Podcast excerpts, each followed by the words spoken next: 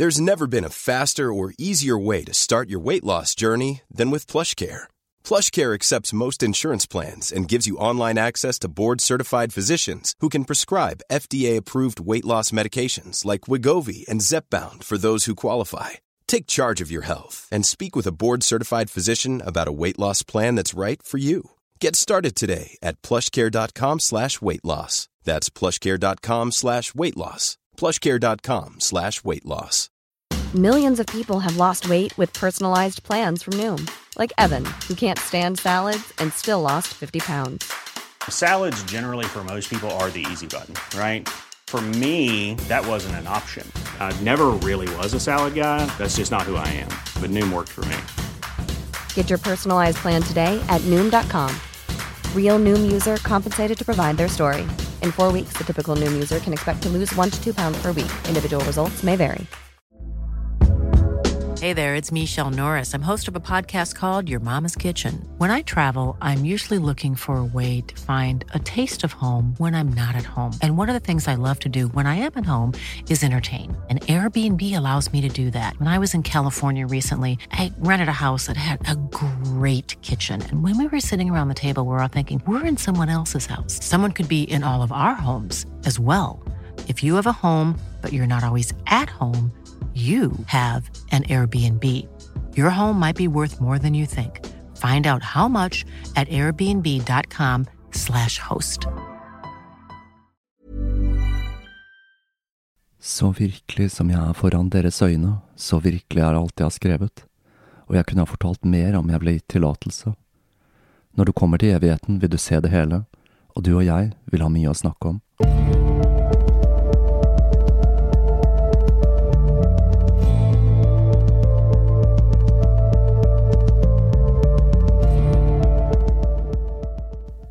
Hei og velkommen til Tåkeprat. Jeg heter Even, og når jeg tar opp denne episode 93, så er det søndag den 10. februar 2019. Da var jeg tilbake, litt sent, men forhåpentligvis godt. Dette har vært en ekstremt hektisk uke, og det å sy sammen privatliv, jobb og podkast har vært en utfordring, så da ble det til at jeg måtte ta opp denne episoden på en søndag. Aller først så må jeg komme med en liten kommentar til Vipassana-episoden. Som jeg sa i denne episoden, så er denne typen samtaleepisode noe som er forholdsvis nytt for meg, og dette var da den tredje jeg har laget. Slik jeg tenker å legge opp disse episodene, så vil jeg forsøke å legge minst mulig føringer for samtalene, og la de gå der de går. Jeg er interessert i hva folk har å si, og som dere sikkert har skjønt, så har jeg et ganske bredt interessefelt, og i det øyeblikket jeg tar inn noen andre, så vil det dukke opp meninger og uttalelser som ikke speiler mine egne men det er nødvendigvis slik det må være i denne typen episoder. Jeg syns kanskje det er litt rart å måtte spesifisere dette, men slik er det nå tydeligvis. Selv kunne jeg godt tenke meg å snakke med en evangelisk kristen eller en syntolog, selv om dette er forholdsvis langt unna mitt eget ståsted. Jeg burde kanskje gjort det klart at jeg ikke har noen forbindelse til Vipassana, da enkelte opplevde at det ble veldig mye promotering av disse kursene. Jeg tenkte faktisk ikke over dette i det hele tatt, for jeg vet at Nanna jobber veldig mye med akkurat dette, og det derfor er naturlig at dette ble en del av fokuset for samtalen. Dessuten så ser jeg på det som ganske uproblematisk og forståelig, når kursen er basert på frivillig arbeid og donasjoner. Det er litt slik som med meg selv og podcasting. Jeg forsøker ikke prate så mye om det, men det er tidvis veldig vanskelig, selv om jeg er dette bevisst, fordi dette er noe som er så sentralt i livet mitt. I tillegg så må jeg si at jeg i utgangspunktet er veldig positiv til denne typen meditasjonsretreater. Men det er uansett noe jeg tar med meg. Litt av det jeg hadde håpet å formidle med denne episoden, er det ekstreme aspektet ved denne typen retreat, og den voldsomme kontrasten til verden vi lever i til daglig. Men det er klart, å forklare hvorfor denne formen for isolasjon og meditasjon er en så voldsom ting å gjøre, er ganske vanskelig. Det er tross alt ikke så mye action i meditasjon. Det kom kanskje litt dårlig fram, fordi Nanna har drevet med dette i 20 år. Og jeg tenker hele ville fortone seg litt annerledes om jeg hadde snakket med en som akkurat hadde vært på sitt første kurs. Vi kan jo blant annet tenke på hvordan Alistair Crowley sendte en av disiplene sine i sitt telemiske kloster på Cephalo på et lignende opphold. Og det å dra på denne typen lange meditasjonsopphold har en lang religiøs tradisjon på tvers av ulike trosretninger Og som jeg påpekte i episoden, så er det også populært blant sekulære mennesker og ateister, som for eksempel Sam Harris. Det var uansett lærerikt og nyttig for meg å sette sammen den episoden. Ikke minst fikk jeg mange gode tips fra lydtekniker Martin hos Moderne Media, noe som gjør at jeg endret på mikrofonoppsettet mitt, og nå skal være rustet mot at mikken plukker opp støy fra omgivelsene, i tillegg til at det skal være litt mindre linjestøy her hjemme i mitt eget studio. De av dere som har opplevd litt ulik lyd på episoden i 2019, har helt rett.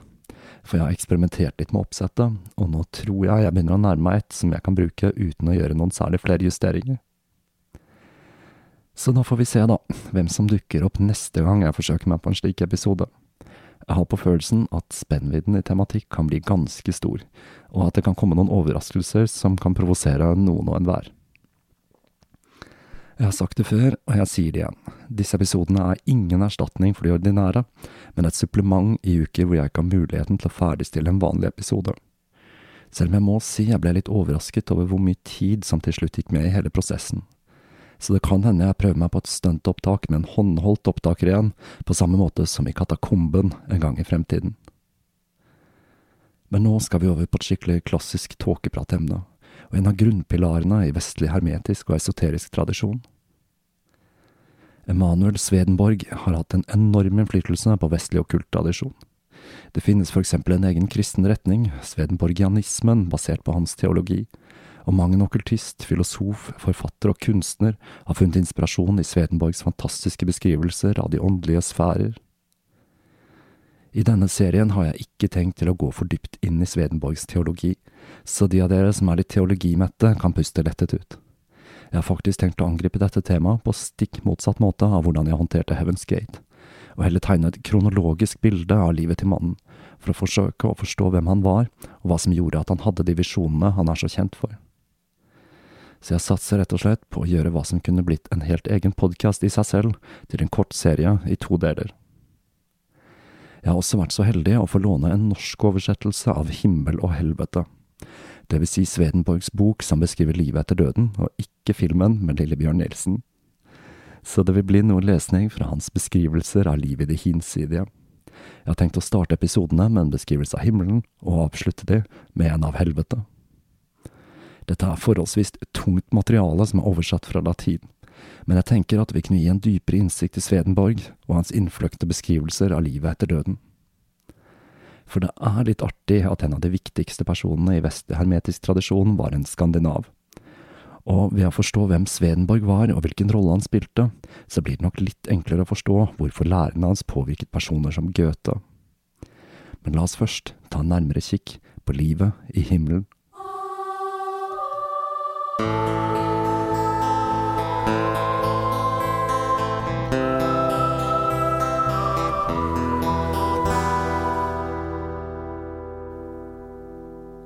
ikke i noen av himlene bor englene samlet på ett enkelt sted, men de er spredt rundt i større og mindre englesamfunn etter forskjellen på godhet i den kjærligheten og den troen de har. Engler som har samme godhet, danner et samfunn. Det gode i himmelen finnes i et uendelig stort antall, og hver engel er på sett og vis sin egen himmel. Englesamfunnene i himmelen ligger på en viss avstand fra hverandre, alt etter tilstanden til det gode som er i dem, både allment og hos hvert enkelt individ især. Det er fordi den eneste årsaken til avstander i den åndelige verden er at de indre egenskaper er forskjellige. I himmelen dreier det seg om forskjellige kjærlighetstilstander. Når to englesamfunn er svært forskjellige, er avstanden mellom dem svært stor. Når forskjellen er mindre, er avstanden mindre. Er de like, bor englene i samme englesamfunn. Alle individene i ett og samme englesamfunn skiller seg fra hverandre på grunnlag av disse prinsippene. De blant dem som er mer fullkomne, vil si de som framfor noen utmerker seg i godhet og følgelig i kjærlighet, visdom og forstand, de bor midt i samfunnet. De som framstår som noe mindre fullkomne, bor utenfor de mest sentrale regionene og lenger bort fra det senteret jo mindre deres fullkommenhet er.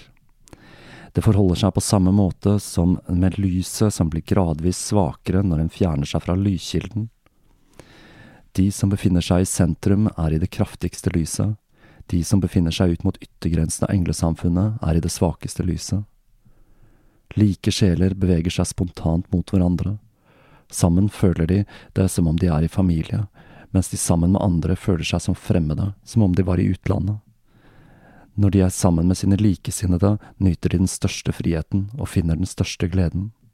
Ut ifra dette er det klart at det er det gode som får alle i himmelen til å slutte seg sammen i englesamfunn, og at englene er inndelt etter hvordan det gode i dem er. Men det er ikke englene som slår seg sammen på denne måten, det er Herren som slår dem sammen. Han som alt det gode kommer fra. Det er han som leder englene. Det er han som binder englene sammen, som tildeler dem deres særskilte plass og holder dem i frihet i den grad de er i det gode.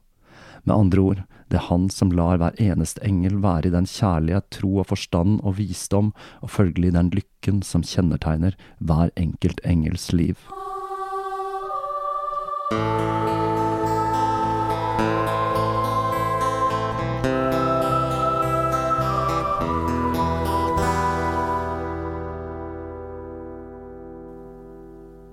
Emanuel Svedenborg ble født den 29. januar 1688. Navnet Svedenborg veit han skulle ta senere, når familien hans ble adlet i 1719. Når han ble født, så var det med det veldig svensklignende navnet Svedberg. Han kom fra en velstående stockholmsfamilie, og han var det tredje av hele ni barn hans far Jesper Svedberg skulle få i løpet av livet. Jesper var en prest som senere skulle bli biskop. Hans mor, Sara Behm, var datteren til et medlem av det svenske Bergkollegiumet, eller gruvestyret, og han var svært velstående. Jesper må ha vært litt av en type. Han mente at hans eget liv var et mønstereksempel på hvordan man skulle leve et kyskt kristent liv. Og for å formidle dette til barna, så ga han dem biografien sin, som var på hele 1012 sider. Jesper var en tilhenger av den lutheranske pietistbevegelsen, og han var også av den tro at engler og ånder grep inn i hverdagslivet, en tro som skulle prege Emanuel resten av livet. Svedenborgs mor Sara døde når gutten var åtte år gammel, og for å gjøre tilværelsen enda tyngre, så døde en av brødrene hans kun kort tid etter moren. Det skulle ikke gå så lang tid før Jesper fant seg en ny kone, og etter kun et år så giftet han seg på ny med enda en Sara denne gangen Sara Bergia, som i likhet med Jespers forrige kone var svært velstående. Emanuel hadde flaks, for eh, Sara Bergia var en svært omsorgsfull og varm kvinne, og hun ble spesielt glad i Svedenborg, som senere skulle referere til de to Saraene som sine to mødre. Som liten hadde Svedenborg usynlige fantasivenner. Dette er jo ganske vanlig blant barn, men med tanke på hvem han skulle bli senere, så er det jo verdt å merke seg. Tingene han fortalte foreldrene at disse usynlige vennene hadde sagt til han, gjorde at de ble overbevist om at englene snakket igjennom gutten. Emanuel var svært opptatt av religion, og selv om han ikke skulle følge i sin fars fotspor slik Jesper ønsket, så brukte han mye tid på å tenke på de store spørsmålene som Gud, frelse og spiritualitet. I løpet av barndommen skulle han lære seg en ting som han skulle dra nytte av resten av livet, nemlig å kontrollere pusten. Under morgen- og aftenbønnen begynte han å utvikle en teknikk der han pustet så sakte at den knapt var merkbar. Han oppdaget at ved å gjøre dette, så fikk han et økt fokus som han kunne rette mot Gud.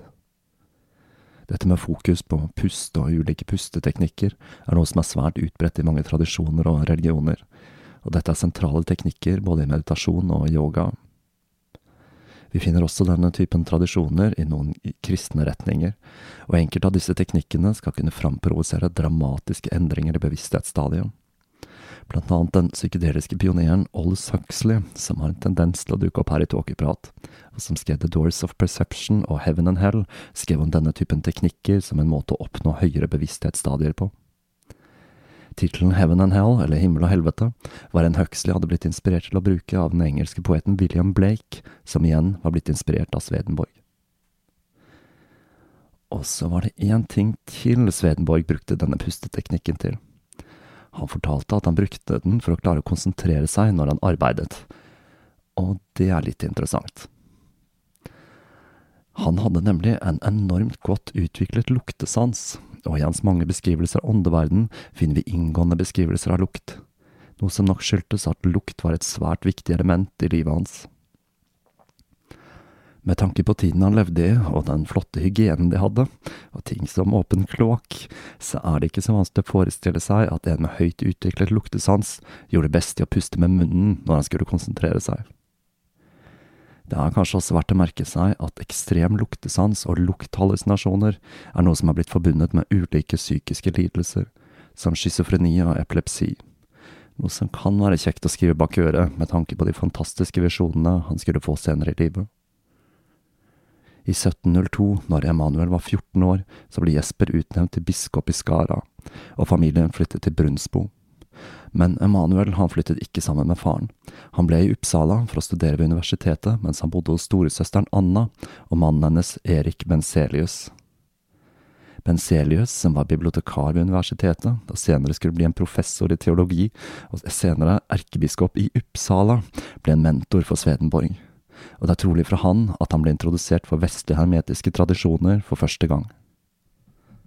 Benselius kjente nemlig van Helmot, medforfatteren av Kabbalah Denudata, eller Kabbalah Unveiled, en bok skrevet av Christian Knorr von Rosenrott, som senere skulle bli oversatt fra latin av Samuel MacGregor Mathers, og som skulle inspirere flere store okkultister som Alistair Crowley. Benselius var også en tilhenger av at man skulle ha et åpent sinn i vitenskap, og at man måtte akseptere funn selv om disse avvikte fra fastsatte sannheter. Noe som var stikk i strid med hva Jesper mente, og som gjorde at Emanuel følte seg dratt mellom Benselius og sin far.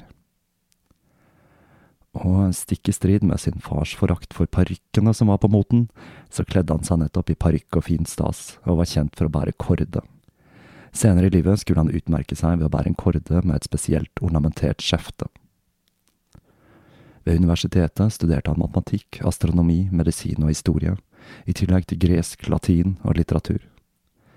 Men til tross for at han var med i universitetets debattklubber, så skulle han senere i livet ha en aversjon mot å snakke i offentlige forsamlinger fordi han var plaget med stamming. Etter studietiden rådet Menselius Svedenborg til å reise for å fortsette med studiene i utlandet, og spesielt England mente han kunne være et bra land for gutten å besøke. Men Jesper var ikke like fascinert av vitenskap som sønnen, og ville nødig finansiere en slik. Many of us have those stubborn pounds that seem impossible to lose, no matter how good we eat or how hard we work out. My solution is PlushCare. PlushCare is a leading telehealth provider with doctors who are there for you day and night to partner with you in your weight loss journey. They can prescribe FDA-approved weight loss medications like Wagovi and Zepbound for those who qualify. Plus, they accept most insurance plans. To get started, visit plushcare.com slash weight loss. That's plushcare.com slash weight loss. If you thought the only way to get a more defined jawline with natural looking results was through surgery, think again. Juvederm Volux XC is a non surgical injectable gel filler that improves moderate to severe loss of jawline definition and can help you achieve natural looking results with little downtime. Even better, this improved definition lasts up to one year with optimal treatment. No maintenance required. Improve jawline definition for a smooth, sculpted look with Juvederm Volux XC. For important safety information and to find a licensed specialist, visit juvederm.com. That's J U V E D E R M.com. Not for people with severe allergic reactions, allergies to lidocaine, or the proteins used in Juvederm. Common side effects include injection site redness, swelling, pain, tenderness, firmness, lumps, bumps, bruising, discoloration, or itching. There's a risk of unintentional injection into a blood vessel, which can cause vision abnormalities, blindness, stroke, temporary scabs, or scarring. Talk to a licensed specialist to find out if it's right for you. Tur, så Emanuel flyttet til faren i Brønsbo. Der begynte Emanuel å lære seg å skrive noter i tillegg til bokbinding. Han viste seg raskt som en dyktig håndverker, og i tillegg begynte han å samle på antikviteter. Som dere vel allerede begynner å forstå, så var Svedenborg en polymatt, eller et universalgeni, og mange ser på han som en slags skandinavisk Leonardo da Vinci. Emanuel var ikke helt sikker på hvilket yrke han skulle lene seg mot, men han var fascinert av den svenske vitenskapsmannen og oppfinneren Kristoffer Polhem, en mann som skulle være sentral i den økonomiske og industrielle veksten til Sverige, og spesielt innen gruvedrift. Han eh, fikk sin far til å kontakte Polhem for å se om han kunne gå i lære hos han. Polhem avviste først tilbudet, men da Benselius, som var overbevist om at dette var en god idé, også tok kontakt med han, så takket han ja til å ta gutten i læra. Men det var et problem. Svedenborg var nemlig forsvunnet. Han hadde bestemt seg for at tiden var inne for å bli med et handelsskip og dra på en rundreise i Europa. Hvordan han hadde fått til dette, er litt uklart. Det var nemlig en særs dårlig tid for sjøreise fra Sverige.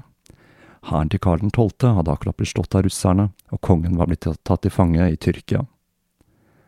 Dette gjorde at danskene så sitt snitt til å invadere Skåne, som hadde blitt okkupert av Sverige i 1658, og danskene patruljerte kysten og gjorde sjøreiser ekstremt farlig. Og farlig var det. I løpet av denne reisen ble den 22 år i Svedenborg utsatt for flere dramatiske hendelser. Skipet gikk på grunn, og det ble boret av pirater. Senere ble skipet tatt for å være nettopp et piratskip, og de ble beskutt av et engelsk skip. Når de kom til London, rodde en båt med noen svensker ut til skipet, og overtalte Svedenborg om å bli med dem i land. Pesten hadde nemlig brutt ut i Sverige, og alle skip fra Sverige måtte ligge seks uker i karantene. Svedenborg brøt denne karantenen, og han ble med sine landsmenn i båten. Men han ble fersket, og straffen for å bryte karantenen, det var hengning. Men utrolig nok, han klarte å slippe unna med en advarsel. Svedenborg så alltid ut til å slippe unna i siste liten, og dette hellet skulle gjøre at han ble en slags maskot på skipene han var ute og reiste med. Denne reisen tok han til alle de stedene som var knutepunkter for vitenskap og ny tenkning i de dagene, som Paris, Roma, Hamburg og Amsterdam, men det var London som lå hans hjerte nærmest. I London skulle han også ha kommet i kontakt med en mystisk figur i vestlig esoterisk tradisjon, rabbi Samuel Jacob Heim Falk, en person som var sentral i det esoteriske miljøet i London. Han hadde så vidt unnsluppet å ha blitt brent for å ha utøvet trolldom i Vestfalen i Tyskland, og en av hans studenter skal ha vært Cagliostro, en omvandrende selvutnevnt magiker og alkymist som frekventerte hoffene i Europa. Cagliostro har dukket opp her i Tåkeprat et par ganger tidligere, i forbindelse med Anton Lavey og John Dee i serien om Voynich-manuskriptet. Folk var involvert i en rekke esoteriske ordener, fra frimurerne og Rosenkorsordenen til kabbalister og alkymister. En av disse gruppene var The Moravian Brethren, ledet av grev Sin Sendorf. Og det som er litt interessant med akkurat det, er at denne gruppen praktiserte en form for sexmagi. Og dette kan ha vært med på å danne grunnlaget for Svedenborgs liberale syn på sex. Svedenborg var en tilhenger av sex før og utenom ekteskapet, og i hans beskrivelser av det hinsidige så finner vi også mye erotikk. Han mente at det kunne være skadelig å undertrykke sine seksuelle lyster. I Svedenborgs himmel finner eh, menn og kvinner sine sanne partnere, som ikke nødvendigvis er de de var sammen med i sin jordiske tilværelse, og sexlivene fortsetter å bli bedre enn hva de var på jorden. Svedenborg giftet seg aldri, og han fikk heller aldri barn, men han innrømte ved flere anledninger å ha elskerinner. Og vi skal snart se at han nok hadde en spesiell kvinne i tankene som sin sanne partner i himmelen. Emanuel likte seg altså best i London, men han reiste rundt i Europa for å studere ulike håndverk og for å samle på vitenskapelige instrumenter som han samlet i sin bolig i London. Han skrev en rekke brev til Benzelius om sine mange funn og møter, som igjen viste disse til kollegium Curiosorum, det første svenske vitenskapsakademiet. De tok kontakt med Svedenborg og ba han intervjue ulike vitenskapsmenn på kontinentet. Det er kanskje viktig å poengtere at når jeg refererer til vitenskap her, så snakker vi om veldig tidlig vitenskap. Swedenborg var en tusenkunstner, en Reodor Felgen-type, mer enn hva vi tenker på som en vitenskapsmann i dag. I tillegg til å samle på ulik informasjon fra vitenskapsmenn, så lekte han med en rekke ideer om maskiner som kunne bygges, som et fly, en bil og en ubåt. Ikke helt ulikt Leonardo da Vinci, altså. Og på samme måte som da Vinci, så var han svært opptatt av anatomi, men han foretok ikke disseksjoner selv, men stolte heller på andres forskning innen feltet. Swedenborg forklarte denne tendensen til å studere andres arbeid med at han kunne komme til å legge for mye av egoet sitt om han gjorde forskningen selv, og at han ved å studere andres arbeid ikke risikerte å overse viktige funn på grunn av sin egen stolthet. Og akkurat det er en ting jeg setter veldig pris på med Swedenborg. Han var opptatt av ikke å la ego og selvgodhet styre. Dette kan vel tenkes er at det er noe han fikk innprentet av sin far selv om jeg er litt usikker på om det å gi ut en mer enn 1000 sider biografi om seg selv avviker lite grann fra dette prinsippet. Etter fem år i utlandet så dro Svedenborg tilbake til Sverige, og han begynte å sette sammen det første nummeret av Dadelus Hyperboreus, det første svenske vitenskapsmagasinet, som var et slags illustrert vitenskap i samtiden. Han baserte dette første nummeret på funnene fra reisene hans og arbeidet til Kristoffer Polhem, som han hadde begynt å jobbe som en assistent for i 1716. Polhem ble svært begeistret for Svedenborg, og han tilbød sin datter Marias hånd til Emanuel. Men selv om han sikkert ble glad for tilbudet, så hadde han et godt øye til hennes yngre, da 14 år gamle datter, Emerentia. Men hun hadde sett seg ut en annen, og hele forsøket til Polheim på å få inn Emanuel som svigersønn, det falt i fisk. Som nevnt så giftet aldri Svedenborg seg, men han hadde sett for seg hvem som skulle bli hans elskerinne og kone i himmelen. Og det var grevinne Elisabeth Stjernkrona Gyllenborg. Men selv om han ble hodestups forelsket i grevinnen med det stille navnet, så var det nærmeste han kom henne romantisk på det jordiske plan, å bli en venn av henne, i tillegg til broren og mannen hennes. Det er noe med det navnet jeg finner endeløs fascinasjon i, altså grevinne Elisabeth Stjernkrona Gyllenborg. Og navnmessig så hadde hun passet perfekt sammen med Emanuel Svedenborg. Svedenborg jobbet for Polheim i tre år. I 1717 ansatte Karl 12. Polhem til å bygge en tørrdokk, og han tok med seg Svedenborg til dette verftet. Der fikk Emanuel møte kongen, som ble svært imponert av Svedenborgs kunnskap, og ikke minst av Dadelus Hyperboreus. Og med det utnevnte Karl han som en rådgiver til bergskollegiumet. Men dette ble ikke populært i styret, og de første ti årene så jobbet han uten lønn, uglesett av sine kollegaer. Polhem og Svedenborg utførte flere ingeniørkunster for kongen, og en av disse var å bygge slusesystemet på Trollhättankanalen som bandt sammen Stockholm og Nordsjøen. Dette gjorde det mulig for svenskene å bekjempe nordmenn i Fredrikshall, eller hva som i dag er Halden. Men samarbeidet mellom Polem, kongen og Svedenborg fikk en brå slutt i 1718, da kongen døde under beleiringen av Fredrikshall. Det er uvisst om det var en norsk eller svensk kule som tok livet av han, da hans krigstørst var svært kostbar for Sverige og det førte til at han hadde mange fiender blant hoffet. Med kongens død og innsettelsen av dronning Ulrikka Eleonora i desember 1718 ble alle familiene til Sveriges biskoper adlet, og det var nå Svedberg ble Svedenborg. Som et medlem av det svenske adelshuset Riddarhuset skulle han være en aktiv bidragsyter og rådgiver i en rekke saker av nasjonal betydning, som valutareformer, handel og gruvedrift. I denne perioden ble Svedenborg også et medlem av den svenske riksdagen. Med hans stemors død i 1720 arvet han en betydelig sum, som sikret han økonomisk resten av livet. Men til tross for at han hadde penger, en tittel og en stilling ved bergskollegiumet, så var ikke dette nok. Svedenborg kontemplerte de store spørsmålene, som strukturen til universet og meningen med livet. Svedenborg begynte å skrive om et univers der det fysiske plan speilet det åndelige, som i den svært kjente strofen Som ovenfor så nedenfor, fra Hermes smaragdtablå. Han skrev og han skrev, så mye at man har lurt på om han var kapphendt, det vil si at han skrev like godt med høyre og venstre hånd, akkurat som da Vinci. I tillegg til å tegne et bilde av et fraktalt univers, søkte Svedenborg etter en vitenskapelig forklaring på sjelen og det menneskelige jeg. Men den delen av historien er ikke en jeg har tenkt å ta for meg i denne serien. Svedenborgs arbeid er et studium i seg selv. I den neste episoden skal vi se litt nærmere på perioden Svedenborg er mest kjent for, nemlig når han begynte å få en serie med visjoner. Og da tenker jeg vi avslutter med en tur til helvete.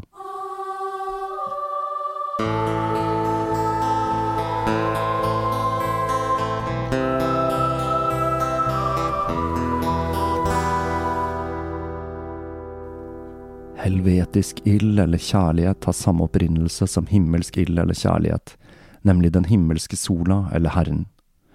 Men den blir omgjort til helvetisk ild av de som mottar den, for all innstrømning fra den åndelige verden varierer etter hvordan den mottas, og er avhengig av de former den strømmer inn i. Det samme skjer med varmen og lyset fra verdens sol. Varmen som strømmer fra denne kilden og inn i busker og blomsterbed, framskaffer på den ene siden vegetasjon som gir behagelige og milde dufter, men på den andre siden fremkaller den harske og vemmelige stanker når den samme varmen strømmer inn i gjødsel eller åtseldyr. På samme måte framkaller lyset fra den samme sola gjenstander med vakre og tiltalende farger, mens den fremkaller stygge og utrivelige farger hos den andre. Det er det samme med varmen og lyset fra den himmelske sola som består av kjærlighet. Når varmen eller kjærligheten herfra strømmer inn i noe som er godt, slik som gode mennesker, gode ånder eller engler, så gjør den godheten deres fruktbar. Men når det gode derimot strømmer inn i onde mennesker, har det motsatt virkning. For enten kveler det det gode eller forvrenger det. Når det himmelske lyset på samme måte strømmer inn i de sannheter som kommer av det gode, skaper det grunnlag for forstandighet og klokskap. Men når det derimot strømmer inn i det falske som kommer av det onde, blir det forvandlet til galskap og til all slags fantasier. Alt avhenger av hvordan det mottas. Ettersom helvetisk ild er kjærlighet til seg selv og til verden, så innbefatter det også alle de lengsler som denne kjærligheten består av, siden lengsler er det vi strever mot. For hva vi enn elsker, så lengter vi alltid etter det. Helvetisk ild er også en glede, siden vi blir glade når vi får det vi elsker, eller det vi lengter etter. Det vi er mest glad i, har ingen annen kilde enn dette. Derfor er helvetisk ild de lengsler og gleder som springer ut ifra og har disse to formene for kjærlighet som sin kilde de ondskapene som strømmer ut fra disse formene, for ondskap er forakt for andre, bryskhet og fiendtlighet mot alle de som ikke støtter oss 100% samt misunnelse, hat og hevngjerrighet. Dette fører til voldsomhet og grusomhet. I sammenheng med det guddommelige består disse formene for kjærlighet i å fornekte det guddommelige, forakte og håne det, og bespotte alt det hellige som finnes i kirken. Etter døden, når disse blir ånder, vender ondskapene seg til sinne og hat mot alt som er hellig.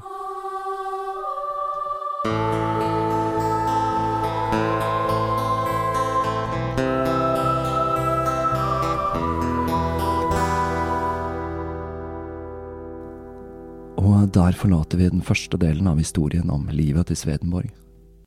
Dette ble altså ikke en dyptpløyende historie om læren til Svedenborg, men mer en generell oppsummering av livet hans. Jeg har syslet med tanken om å lage en serie om denne svensken i over et år, og etter å ha grunnet mye på hvordan jeg skulle angripe det hele, så bestemte jeg meg altså for å gjøre det på denne måten. Hvordan ulike personer tolker Svedenborgs arbeid, ser i stor grad ut til å være avhengig av hvilket utgangspunkt man har, og hvor mye godvilje man legger til. Mye av arbeidet hans virker bemerkelsesverdig før sin tid, som hans konklusjon om at universet, universet ekspanderer, dvs. Si at planetene beveger seg bort fra solen, og at Melkeveien er kun en del av et enda større system. Han hadde også en del hypoteser om anatomi og det menneskelige sentralnervesystemet som virker overraskende moderne. Kort oppsummert så var han en smart fyr, og det er viktig å ta med seg før vi ser på hans spirituelle oppvåkning, som vi da skal se litt nærmere på i neste episode. For å illustrere denne serien så har jeg valgt å bruke motiver fra Hieronymus Bosch, da Boschs fantastiske illustrasjoner er slik jeg forestiller meg Svedenborgs visjoner. Problemet med disse er at det er nakne mennesker der, og jeg er litt usikker på om Instagram og Facebook får hette av dette og sensurerer det. Jeg la ut episodeillustrasjonen på Patrion i går, og nå fikk jeg en mail om at siden min er blitt merket som adult content. Fra tidligere så har jeg lagt ut et bilde av den første initierte heksen i Garnes-linja, Barbara Vickers. Så nå er det faktisk to bilder med pupper der, og det er kanskje litt av grunnen til dette. Få ting er så støtende som pupper, om vi skal tro disse mediegigantene. Så om illustrasjonen fra episoden blir borte, så er det altså forklaringen. Fram til neste episode så vil jeg oppfordre til å følge podkasten i sosiale medier og spre det glade budskap. Jeg vil også rette en spesiell takk til dere patrions, og håper dere ikke blir skremt av at tåkepraten har blitt merket med adult content. På gjenhør.